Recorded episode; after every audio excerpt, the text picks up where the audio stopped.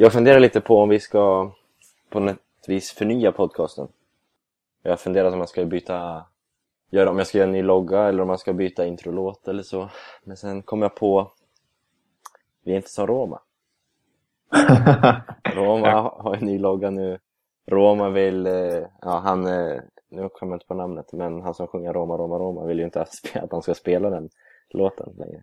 Han känner ju inte igen sig i sin klubb längre. Nej. Och jag är inte Nej. som De, De Laurentiis heller som nu tar bort Go West från mm. Sao Paulo. Ja, det är, det är fruktansvärt bra liknelse måste jag säga. Mm. Så jag tycker vi kör kvar på samma logga, samma introlåt. Mm. Vi får försöka förnya oss på något annat sätt. Ja, eller så gör vi inte det. Eller så gör vi inte det. Helt enkelt. Det, ja. Vi får fundera du och jag. Ja, det ska ju mycket till för att, man ska, för att en förändring ska vara liksom något bra. Så, mm. ja, vi får fundera på det. Vi kan börja sälja t-shirtar. ja. 390 kronor ska det kosta. Ja, det, idéerna kommer uppenbarligen efterhand så nej, vi får fundera.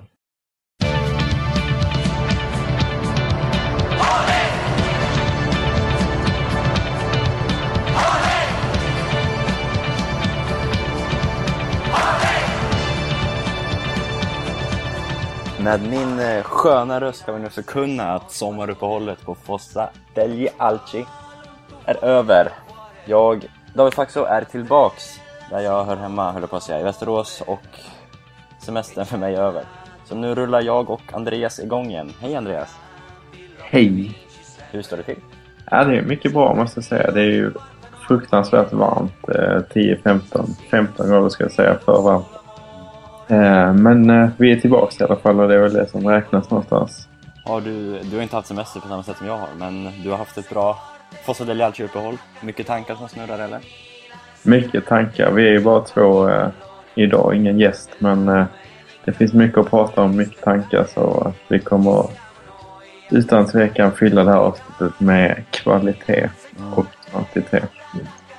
Vi har ju som sagt mycket att prata om. Ett axplock kan ju vara Keisuke Honda som eh, ungefär allting handlar om just nu. Vi har eh, Trofeo Tim som vi spelade igår. Vi har eh, nya tröjor som vi inte har diskuterat riktigt. Vi har eh, tröjnummer som är lite upp, eh, värda uppmärksamma.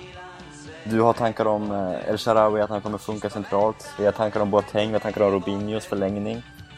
Eh, mm. Och det är bara ett axplock som sagt. Så mm. vi kanske inte hinner med allt idag, men vi snurrar igång säsongen nu så får vi se vad vi hinner med idag helt enkelt.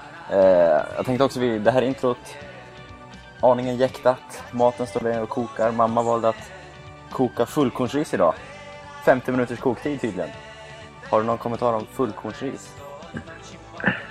Jag fick bara reda på det nu precis och då drar jag direkt kopplingen till eh, det asiatiska riset, Honda. Eh, det är liksom... Eh, jag tänk, varje gång jag hör fullkorn så tänker jag direkt på Rasmus Elm. Så där har du Cheska-kopplingen också. Så det, det är Honda rakt igenom. Och Maggio Honda mm. kallar jag det. Kanske avsnittet också kallas, får vi se. Men eh, vi kör strax.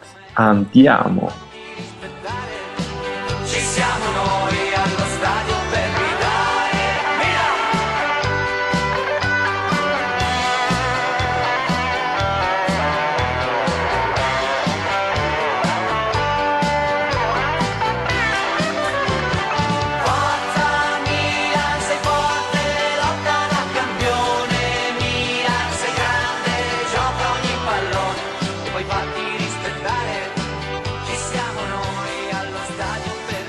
Fullkornsriset är uppätet.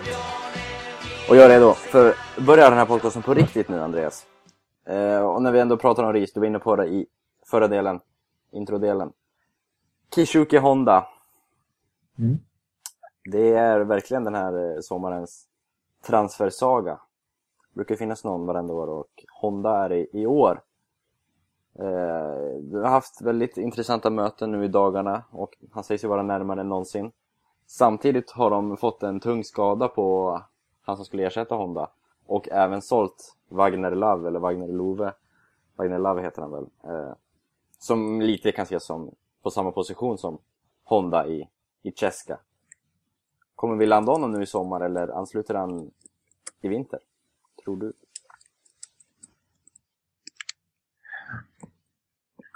Eh, eh, jag tror ändå att han kommer i sommar. Med, med tanke på att det finns så många viljor som eh, att han ska landa i sommar med Milan, med Honda själv och med sponsorer och så vidare.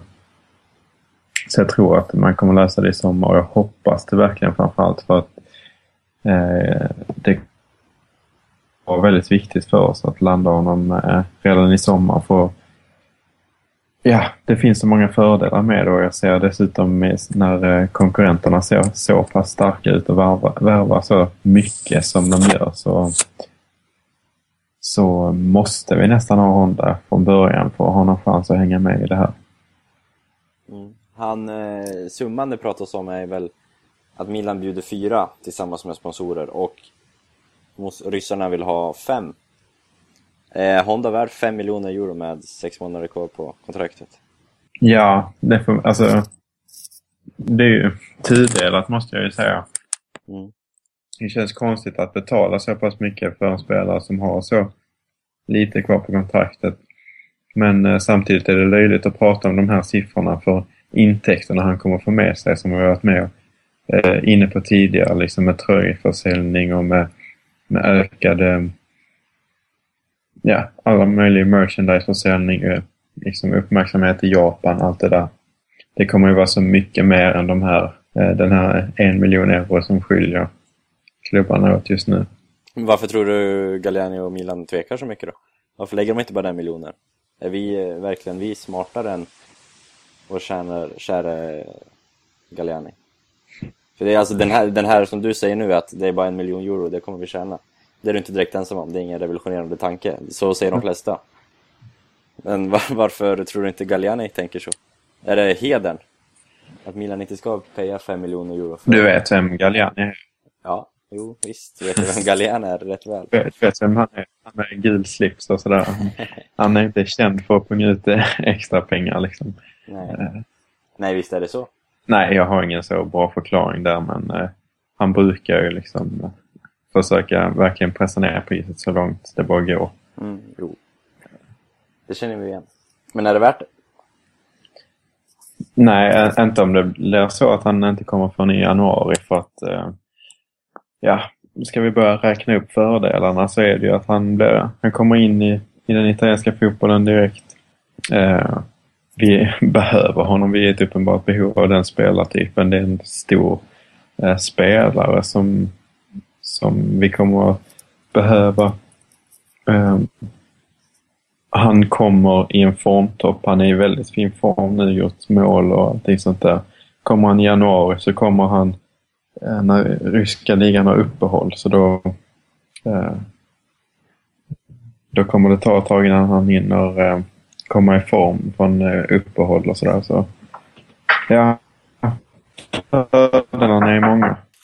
Okej, men då ponerar vi att Honda, ja, han kommer förr eller senare, januari eller, eller nu. Men eh, det jag tänkte glida över på är aktuellt oavsett. Och det är eh, tröjnummer. Tycker jag är kul att diskutera. Och de officiella... Får jag lägga till en sak? Ja, kör. Eh, att, han är, att han verkar ha ett rätt så stort Milan-hjärta måste man ändå påstå. Eh, och det, det, tycker jag är konstigt att man inte har exploaterat innan. Eh, det har ju visserligen varit snack om eh, Honda tidigare men med, med alla de liksom allt det innebär att ha en japansk eh, storstjärna i laget och sånt där. Att, att Galliani inte har varit eh, inne på det tydligare, i alla fall tidigare. Det är intressant. Nya spelare, men det är intressant. Han pratar ju liksom om ja, att han har tackat nej till Barcelona och liksom allt möjligt. Och det, då blir man ju glad. Mm. Om det stämmer, men absolut. Det är kul att höra. Yes. Nej, det var bara det. Så det kan vi glida in på. Tröjnummer. De släpptes eh, häromdagen. Eh, uppseendeväckande. Vergara tar nummer 33. Jag har haft lite höga förhoppningar på honom och de höjs ju markant nu. Jag vet inte om han jinxar sig själv eller om eh, han höjer sig själv. Vad tycker om nu, 30, Thiago Silvas 33 på Vergara? Är det något du reflekterar över ens? Eller är det bara jag som är för insnöad? Nej, men jag tycker inte det är något eh, märkvärdigt så egentligen. Han får gärna ta den. Thiago Silva har liksom inte gjort någon historia i klubben så även om han är eh, världens bästa mittback. Så. Nej, jag har inget emot det så. Och han, eh, jag har ju också höga förväntningar så det är bara att hoppas att han lever upp till dem. Någon som kanske har gjort historia i Milan är väl Ambrosini som nu spelar i Fiorentina av alla klubbar. Mm. Det vet ni förstås om, ni som lyssnar. Men Nocerino tog hans nummer 23. Precis som jag sa innan säsongen och uppmanade att alla att inte köpa Nocerinos nummer 8 eftersom han uppenbarligen skulle eh, byta efter säsongen. Ja, du, Så. kan, du har din spåkula. Ja, Ni borde lyssna mer på Andreas, för han har faktiskt rätt ibland. ja allt som oftast. Eh, En grej med spelarnumren som jag tänker på mer är ju Niang som väljer 78. Mm. Eh, vilket kan, kan tyckas väldigt random, men det är faktiskt samma som eh, Menes har gjort i... Eh, ja, Menes tröjval helt enkelt, som har 94 är det va? Mm. 94. Och det handlar om då vilket eh, department number, vad, vad det nu heter på svenska. Riktnummer skulle man kunna slarvigt Ja. översätta det till. Eh, det kan mycket väl stämma. Eh, eh, som verkar ändå vara viktigt för de här förortsungarna från Frankrike. Mm. Så det kan jag ändå respektera valet av 78. Det är inte så att 19 känns som ett speciellt nummer på något sätt. Så. Jag gillar ändå 78 även om det är ett högt nummer. Men du gillar inte, låt säga, Antoninis 77 eller Sakardos 81 Eller? Jag har inte sett kopplingen eh, där till 77. Det har jag faktiskt ingen aning om varför Antonini har det. Nej. Får ni gärna kommentera om ni vet. Mm. Eller skriva till oss på Twitter. Varför har Antonini nummer 77? Han har haft det länge och så. Hade väl det i sina gamla klubbar också. Men varför? Det borde finnas en förklaring. Får ni gärna delge. Så, som regel vill man ju gärna ha liksom, låga siffror men eh, undantag krävs utgöras om det finns en fin historia bakom. Och jag tycker ändå att eh, 78 här från Niang räknas in som en, ja, en siffra av värde för honom helt enkelt. I övrigt, tröjnumren, det är ju nummer. Men eh, det jag tänkte på när vi pratade om Honda. Vad tar Honda för siffra egentligen? När eller om han kommer? Alla liksom typiska nummer för en spelartyp som honom är ju upptagna. 8, 10, 7, 4 hade han väl i... Har han väl i landslaget lite då och då. Den har Montari. 14 har Strasser, han kanske lämnar. Den kanske blir ledig. 17 Zapata. 19 är ju ledig nu också. Eh, nian är ledig, men den känns inte, det känns mer som en striker. Ja. ja det, sen så finns det ju 22an också som, eh, som har en viss tyngd i Milan. Jag vet inte om den kan bli aktuell. Den kanske han kan. Jag hoppades att Saponara skulle ta den, men han valde åttan. Ja, det hade faktiskt kanske varit bättre lösning om Honda hade tagit åttan. Men, ja. Ja, det är siffror. Och siffrorna sitter på uh, baksidan av en tröja. Och Milan har släppt tre nya tröjor. Guldtröjan har vi diskuterat, för den släpptes först. Den, ty- har du ändrat uppfattning om den? Jag kommer faktiskt inte ihåg vad jag hade innan, men nu när jag sett dem på så är de faktiskt de är ingen katastrof måste jag säga. Tror, tror det var negativt sist. Ja, förmodligen var jag det. Men eh, ja, då har jag liksom ja, accepterat dem lite i alla fall. Jag tycker de är katastrofala fortfarande. Ser ut som en pyjamas. Sidenpyjamas, från som man har när man är eh, 10 bast. Tillsammans med sina Batman sidenkalsonger. Från H&M.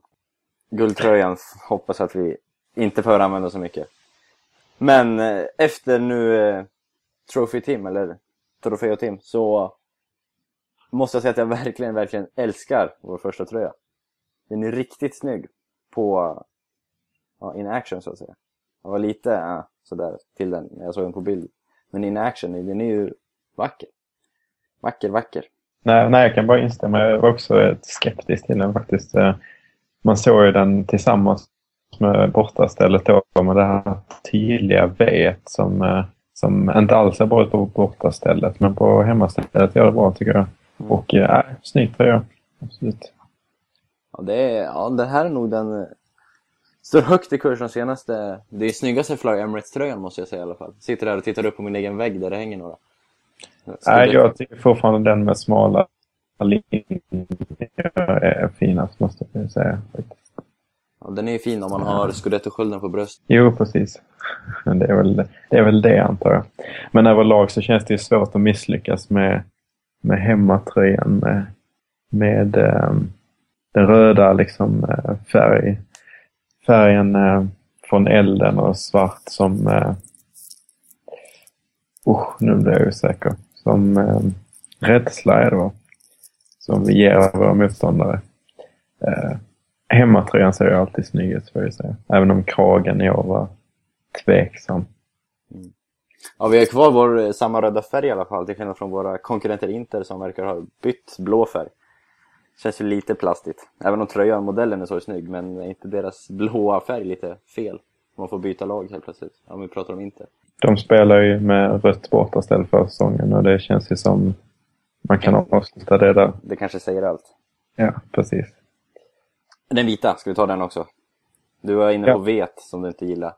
Nej, den är jag inte förtjust i. Jag kommer förmodligen faktiskt inte värva eller köpa den. Jag köper alltid båda två men eh, dels eh, utseendet som jag inte är alls svag för och sen så priset som jag också tycker att vi ska gå in på som är alldeles för högt. Det har ju liksom stigit eh, successivt de senaste åren och nej, nu tycker jag att två tröjor blir för mycket för plånboken. Vad kostar det då? Du som har koll. Ja, de har ju stigit successivt över um, årens lopp och uh, nu om du vill ha en tröja med tryck nu så får du betala 95 euro. Uh, och med då med eventuella uh, patches på armarna så blir det ju över, alltså blir det ju uh, 100 euro. Vilket inte 5 euro styck? Jo, precis. Du kan väl ha en på varje arm, kan man inte? Jo, det kan stämma. Så säg över 100 ja. euro. Uh, Bisarrt känns acceptabelt alls. Men samtidigt mindre än både Inter och Juventus. Mm. Nike, Nike, Nike. Lite dyrare, lite sämre. Ja, och du får ju antingen så får du en missfärgad Inters fall eller så får du en svartvit version i... Mm. Du får alltså inte ens i färg om du trycker Juventus. Så nej, ska man köpa någon ska man köpa Milans, men priserna är hutlösa.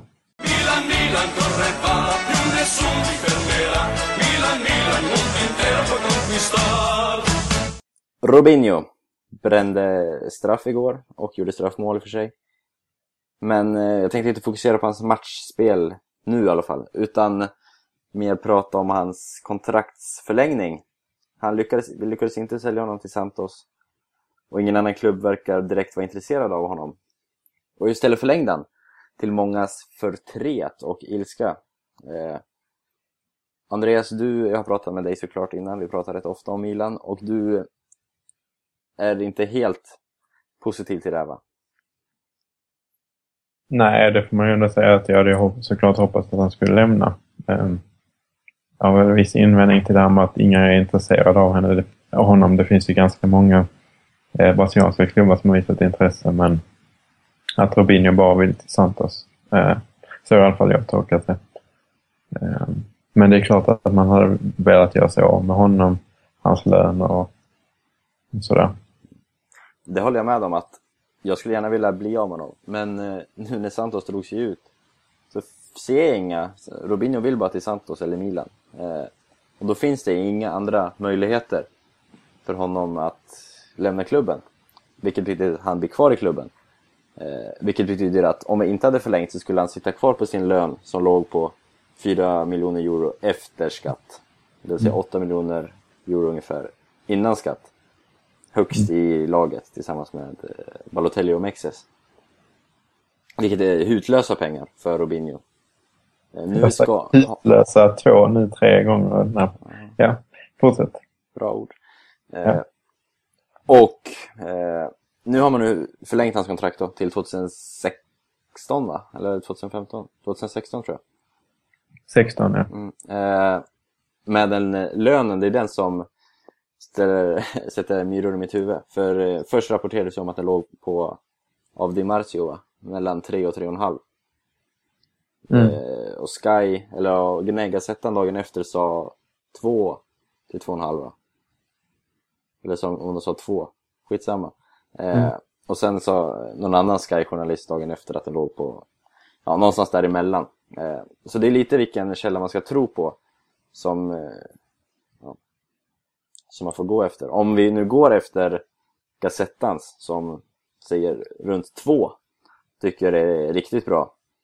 För nu blir hans lön halverad och vi har möjlighet att sälja honom i vinter, det har vi för sig med gamla kontraktet också.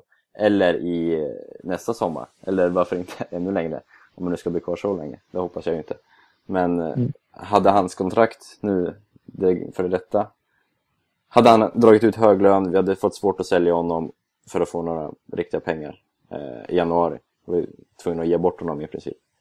Och vi var tvungna att ge bort honom i nästkommande sommar.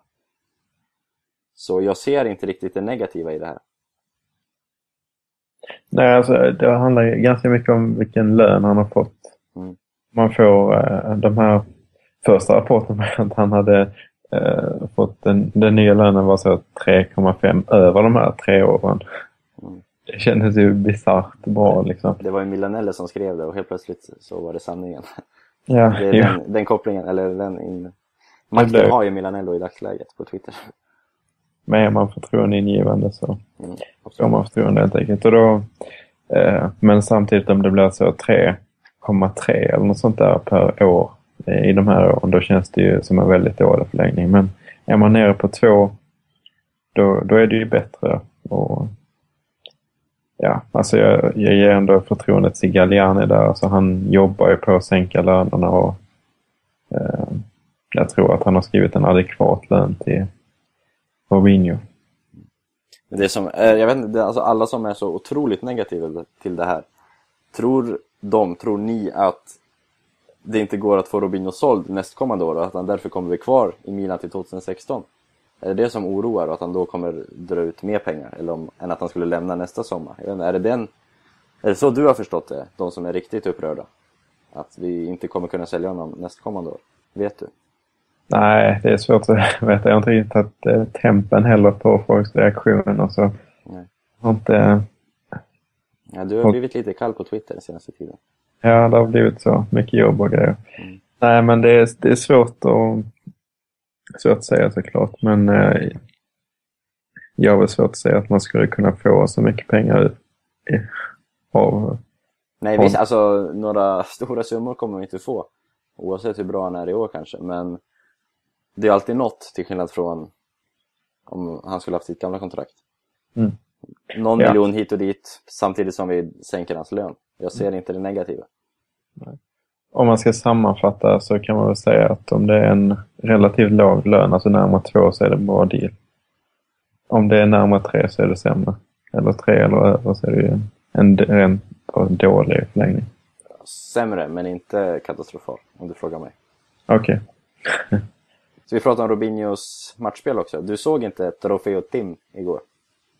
Nej, jag såg straffarna faktiskt, men annars så eh, missade jag resten. Vad har, för, vad har du för förklaring som ska godkännas? Ja, det är samma jobb. Nej, nej. Men eh, då får man öka på fler resor. Så. Det är sant.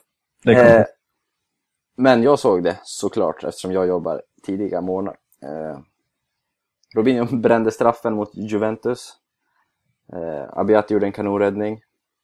Och det var ungefär det som hände under mm. de 45 spelade minuterna. Antonini såg ut att dödas ungefär, men han mår bra nu i alla fall. Ingen fara med Antonini. Mm. Eh, men vi vann mot Juventus, alltid skönt såklart. Även om det var den här plojturneringen. Mm. Alltså jag vill väl, eh, jag har inte sett det, men det här med slutsatser, det känns ju som eh, man ska skatta värdet av det här för det är ju en, eh, en plojturnering som spelas först i säsongen. Ja. Nästan inga ordinarie spelare, eller många ordinarie spelare saknas i alla fall. Mm. Eh, och så vidare. Eh, men samtidigt så är det alltid skönt. Man ska heller inte underskatta det här. Ja, vi vann liksom på Juventus på straffar. Men ändå, man vinner ändå på straffar. Eh, och får igång det här vinnande, förhoppningsvis. Eh, en, vinnande, liksom, en vinnande mentalitet eller tänk som fortsätter över säsongen. Mm. Jo, Och vi ska såklart inte överdriva någonting. Det är ploj, skoj, eh, oseriöst. Men mm. kul att slå Juventus. Sen behöver vi inte prata om Sassuolo-matchen där vi förlorade mot nykomlingarna. Men ja, eh, man kan ju prata om eh, spelarinsatser. Cristante ger bort ett mål tillsammans med Gabriel och blir utvisad. Men eh, jag har ändå positiva bilder från honom. Jag tycker hans intentioner vill ha mycket boll, fördela boll bra, bra eh, djupledspassar efter marken. Tycker jag, ut mot kanterna. Han är bara 95 trots allt, så jag är eh, positiv till Cristante trots att han ja, mer eller mindre gav bort segern. Det är såklart inte ett godkänt betyg i om man ger honom en siffra, men det är ändå positiva intentioner. Mm. Eh, kan man mer säga att Pauli eh, kommer bli extremt svår att se om det är han eller Flamini som spelar. Han har tagit Flaminis nummer, har liknande frisyr, ungefär lika lång. Så för min del i alla fall kommer det bli en vaneperiod här i början att lära sig att det är Pauli och inte Flamini. Mm. Men han var bättre än Flamini av det lilla man fick se, tycker mm. jag. Vad sticker mer ut? Petagna, 95an. På topp, eh, som jag tycker är lik Ronaldo till utseendet. Jag vet inte om det är någon annan som ser det också. Ja, jag instämmer på det. Mm. Någon skrev Adriano, vilket jag inte köper, men eh, Ronaldo känns eh, som en bra liknelse. Mm, fast lite mer hår. Ja. eh, han imponerar, han gör mål eh, och nära på att snå åt sig bollen ännu en gång. Gör det två gånger nästan. Eh, såg het ut, bra targetspel, bra med boll. Och han var väl tillsammans med eh, de Jong kanske bäst i Milan under de här två matcherna, tycker jag. Och de Jong är ju såklart jättekul att se. Han blir utnämnd till turneringens bästa spelare. Ja, dominerar verkligen i sin comeback. Det är kul att se. Kul att se, det, kul att det se. känns ju betryggande. Mm. Eh, mot Juventus och sådär, även om det är det här eh, så tidigt på säsongen så känns det ju bra att han är tillbaka och levererar på nivå. Mm. Eh, så det är jättebra. Det var ju ändå Vidal och Asamoah liksom han mötte så. Mm. Det är inga, och TVs. Det är inga skoj, killar man skojar med. Det. Så det var betryggande att se. Milan, Milan,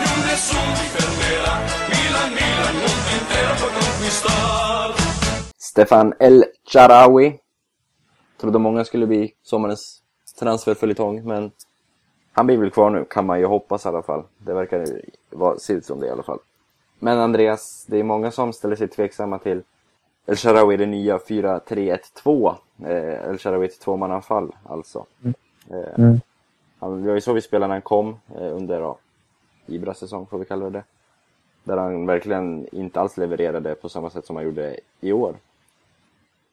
Eh, men hur tror du, vad ställer du, hur ställer du dig till El Sharawis kommande säsong? Tror du han kan återupprepa succén? Nu blev jag faktiskt lite... Eh, jag börjar istället vid det där 4-3-1-2 för det har vi faktiskt inte pratat om alls eh, sen det blev klart. Vi har haft uppehåll nu ett tag. Eh, så jag måste först eh, säga att jag ställer mig positiv till den här 4-3-1-2. Eh, och det är inte bara liksom eh, Ancelotti-nostalgi utan jag känner ändå eh, eller om man nu kan kalla det för Ancelotti-nostalgi egentligen. Men, eh, det är formation jag gillar och jag kan tycka att vi under den här säsongen hade, hade problem med understödet bakifrån för, för, till våra anfallare. I början av säsongen så fick El dra ett tungt lass. Eh, han fick göra liksom allt på egen hand. Sen kom Balotelli. Det var det Balotelli som gjorde allt på egen hand. Men det var väldigt lite understöd från eh, mittfältet. Med undantag av Flamini som under slutet av säsongen öste in mål. Men eh, med en trekvartista som förhoppningsvis blir Honda då så kan det här liksom stödet bakifrån underlätta för anfallarna. Um, och det tror jag verkligen behövs. Mm. Och jag tror att det kommer hjälpa Eshawi också. Uh, för, uh, för mig så ska Eshawi spela som uh, i ett anfallspar med Balotelli. Jag tror att han kommer lyckas när han spelar mer centralt faktiskt. kommer närmare vårt spel som, som är Balotelli. För det är det vårt officiella spel handlar om. Eh, så att han kommer mer och blir mer involverad genom att, att komma närmare helt enkelt. Mm. Man kan tycka eh, det att det omedelbara minnet av Shaarawy nu när han har haft den här formsvackan är liksom att han eh, viker in i banan och letar efter skottläge eh, och att det har gjort honom väldigt lättläst. Mm. Men om man kollar tillbaks eh, på målen han har gjort den här säsongen, vilket jag då har gjort eh, och gjort en liten sammanställning. Vi behöver inte just gå in på alla mål nu kanske, men om man tar Eshawis nu då, så eh, är det tillvägagångssättet för målen är liksom väldigt varierande. Det är få av de här, i alla fall som jag, du kanske inte håller med i den, men jag förknippar väldigt mycket Eshawi spontant med att han viker in inåt i banan och letar skottläge. Och att det har gjort honom väldigt lättläst för försvarare. Jo, men det är väl tanken som slår en liksom. Får du frågan på stan, hur gör El Sharawi mål? Då är det så man skulle svara. Som jag skulle svara. Antar jag. Mm. Lite som Messi fast tvärtom. Eller från andra mm, jo, absolut. Eh, men det är liksom, det är bara ett par mål av dem han har gjort som är att uh, vika inåt och, och jag ska säga, jag gjorde en liksom kort lista här. Vi har då, sättet han har gjort flest mål det är visserligen så här genombrott och skott i straffområdet, men de kommer liksom inte alltid för att han viker in, att han kan vika utåt och dra ett ryck. Och på det sättet har han gjort fem mål. Eh, sen har han faktiskt gjort eh, fyra mål där han eh, nästan på ett identiskt sätt springer mot bortre stolpen och slår in ett, liksom bara rullar in ett inlägg från Abbat. Det har alltid varit, tror jag, ett inlägg som liksom går längs marken och han hugger då i bortre stolpen. Så han har nästan gjort lika många sådana mål som regelrätta genombrott och sådär. Sen har han gjort tre mål på djupledslöp som har lett till friläge. Han har gjort ett direktskott i straffområdet och eh, två direkta långskott som har varit väldigt vackra. Nu säger jag kanske inte den sammanställningen så jättemycket om variationen eh, när jag tänker efter men, eh, jo, men det, det, det är väldigt varierat eh, tillvägagångssätt han har gjort de här målen på. Um. Bara faktumet att du har gjort en lista av det är väl bevis på att, att, att kan man kan göra en lista av sätten att göra mål på bevisar väl att han varierar sig. Ja, jo, det, så kan man ju också framställa det. Jag kan tänka mig att Messi till exempel hade haft en kortare eh, och mer, eh, ja, en lista som hade, det hade visserligen varit fler streck på den, men eh, det hade varit eh, mer liknande tillvägagångssätt. Eh, men sen visst, han har liksom sett eh, eh, väldigt eh, enformig ut nu i slutet av säsongen när han var, eh, han var eh, vad ska jag säga, han fick stora, eh, stort ansvar till att försvara men han, eh, han hamnar rätt så långt ut på kanten och jag tror ändå att det kan hjälpa honom att, eh, att komma mer, in mer centralt. Eh, han får stöd från trekvartister, kanske mer eh, understöd från ytterback som kommer eller annan mittfältare. Eh, vilket gör det ju svårare för försvararna liksom, och han får mer möjligheter. Det kan ju vara helt enkelt så att han inte hade eh, möjlighet i slutet av säsongen att göra någonting annat än att försöka vika inåt för det var enda sättet att få läge, komma till läge. Så, eh, jag tror på honom centralt jag tycker i alla fall att man ska vara seriös i sitt försök att prova honom som centralanfallare. Vilket väl också kommer ske. Ja, förmodligen. Men eh, ja, jag tror på det i alla fall. Mm. Ja, du, du sticker ut lite där från eh, gemene milanista kanske. Men det blir, vi får se. Eh, förhoppningsvis kan han tillsammans med Balotelli göra mål helt enkelt. Milan, Milan, corre va, più nessuno mi fermerà. Milan, Milan, mondo intero può conquistar. Vi kanske ska göra en avslutning också. Det märker förstås inte ni nu när ni lyssnar, men jag höll på att lägga på vårt Skype-samtal. Eh, Andreas skyller på, eller säger att jag är ringrostig från semestern, och det kanske jag är. Hoppas att ni inte märker det. Hoppas jag får försöka klippa upp mig så jag låter lite bättre än vad jag egentligen är i dagsläget. Andreas, eh, vi försöker väl rulla igång ungefär en gång i veckan. Vi kan inte lova något som vanligt eftersom vi jobbar både du och jag nu, men ungefär en gång i veckan kommer vi fortsätta med nu. Mm. Eller Jo, absolut. Mm. Och det här med klippning, alltså jag menar, det ser man ju bara på Youtube att då kan man ju göra, få Emerson att se bra ut, eller hur är det? Nej, Emerson är den enda i världshistorien som ser dålig ut på, på, på Youtube. Okej, okay, så var det. Ja, så är det. Om ni inte, vi kan, jag kan länka den på, på Svenska fans eh, under där, så kan ni se videon med Emerson. Den är underhållande. Yes. Yes. Vi kommer ju även bjuda med gäster som vanligt. Ni, har, ni vet ju det här, det här är ju avsnitt 34. Så ni har ju, vet ju vårt koncept förhoppningsvis. Mm. Om ni inte så, den här finns på Svenska fans och den finns också på iTunes att ladda ner så du kan gå omkring med oss i öronen på stan eller dylikt. Om ni tycker det är roligare. Och om ni trodde att det var ett eh, sammanträffande att de Jong blev matchens lirare i Team Cup och att det här är avsnitt 34 så kan ni försöka tänka om. Mm. Vi har ju liksom koll på läget så att säga. Fosse Lelalci har full koll. Nu tackar vi för oss och säger eh, god kväll. Ciao!